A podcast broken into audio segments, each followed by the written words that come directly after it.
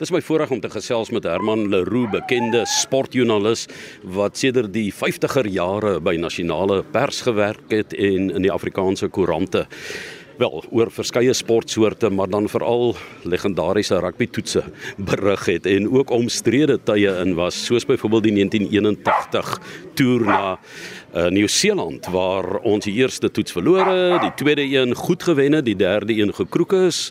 Jy is die enigste oorlewende sportskrywer wat twee baie interessante toere meegemaak het.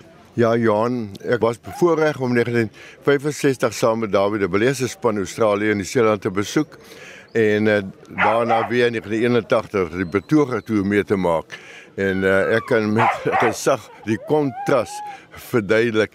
Uh, in 1965 het ons saam met die span gery, selfs op binnelandse ritte per bus saam met hulle gery, selfs die hotelle gebly, oefeninge bygewoon die onthale na die wedstryde individuele uitstappies saam met spelers gehad. So het ek byvoorbeeld saam met Lionel Wilson van Invercargill af met 'n klein vliegtuig gevlieg na Milford Sound deur die sneeubedekte bergpieke van die suidelike Alpe.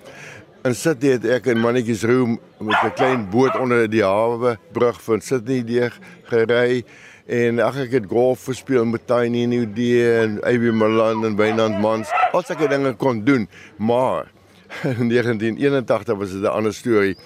Ons het maar net twee keer in dieselfde hotel as die Springbokke gebly, maar dan was ons op die grond op die eerste tweede vloer en hulle in die sewende verdieping en dan sou 'n wag voor die huise wat keer dat ons hulle kan sien.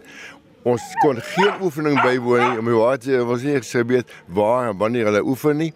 Ons het geen onthaal bygewoon nie, so ons kontak met die spelers was baie min. Daarom is dit wonderlik om na 40 jaar weer van die mense te sien.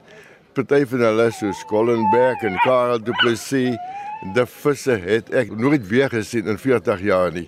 Hier en daar het ek daarom ek was gelukkig om Geysie Pinaar se biografie te skryf. So hom het ek al heel wat gesien in teen Stoffberg Germershuis wat in dieselfde gemeente as ek daar in Fairland Johannesburg van daardie spelers het ek nog gesien, maar die meeste nou vir die eerste keer weer en dit was 'n belewenis. En die feit dat jy nou 86 is en daardie blik het op uh, jy weet wat gebeur het daardie tyd. Dis vandag heel anders. Mense is nog soms baie veroordelend, maar dit was 'n kruispunt in Suid-Afrikaanse rugby wat eintlik baie waardes ook later, miskien in ons denkwyse, miskien in ons herstrukturering van rugby gespeel het. Ja, die enigste probleem is dat die rugby sedertdien baie verander het.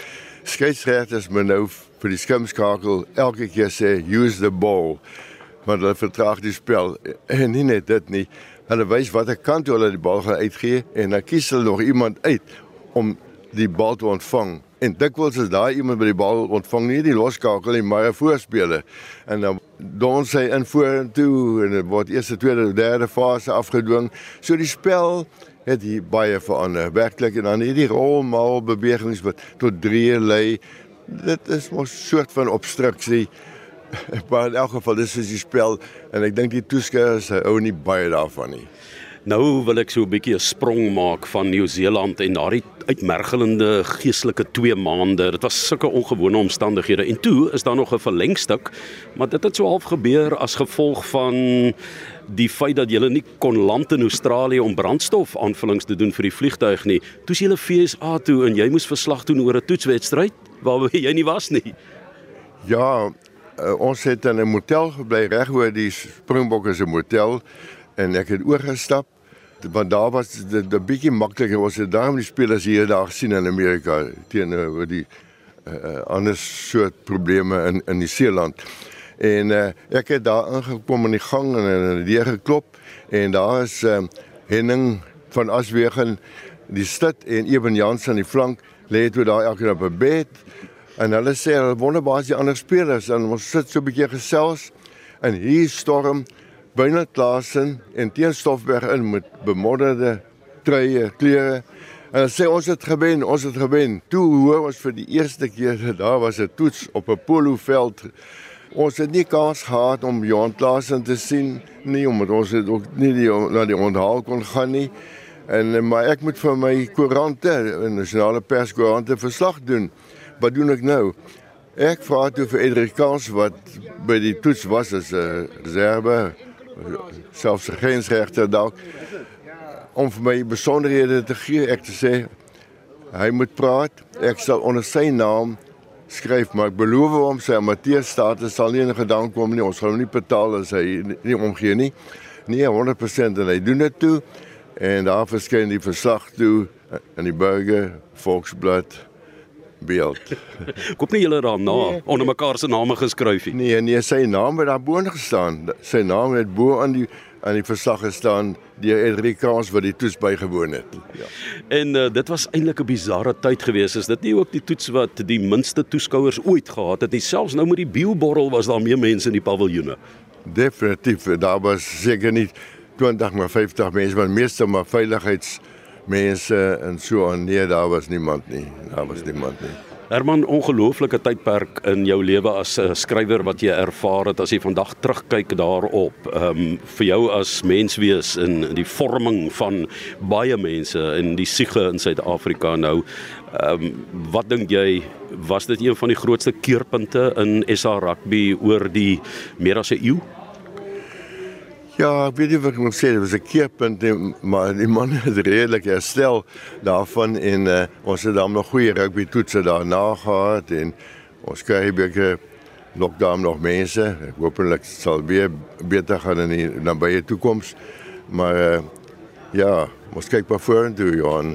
Maar maar dit was 'n verpolitiseerde toets en dit het 'n nuwe dimensie in rugby ook gebring. Ons sien vandag byvoorbeeld in die Suidsee eilande hoe daar erkenning gegee word voor die tyd aan ander dinge wat nooit by rugby betrek was nie. So die mensdom het maar verander, né?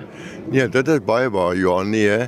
Mense oë het oop gegaan vir sekere dinge, jy het baie gesien en gehoor en daar's baie aanpassings gedoen, maar nie ernstige gedagtes daaroor nie sou jy dit as een van die hoogtepunte in jou loopbaan beskryf hierdie bizarre toer na Nieu-Seeland en dan ook die gepaardgaande FSA toets weggesteekte toets waaroor daar baie min eintlik verslag nog vandag gedoen word. Ek sal dit nie 'n hoogtepunt beskryf nie, ek sal dit as 'n groot ervaring beskryf.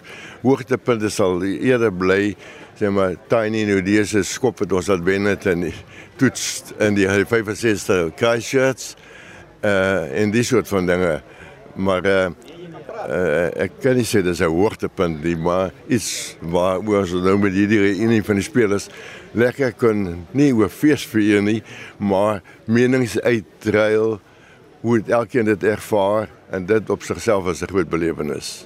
En jy's een van die senior manne 86 wat 'n voorreg nê om dit te kan doen.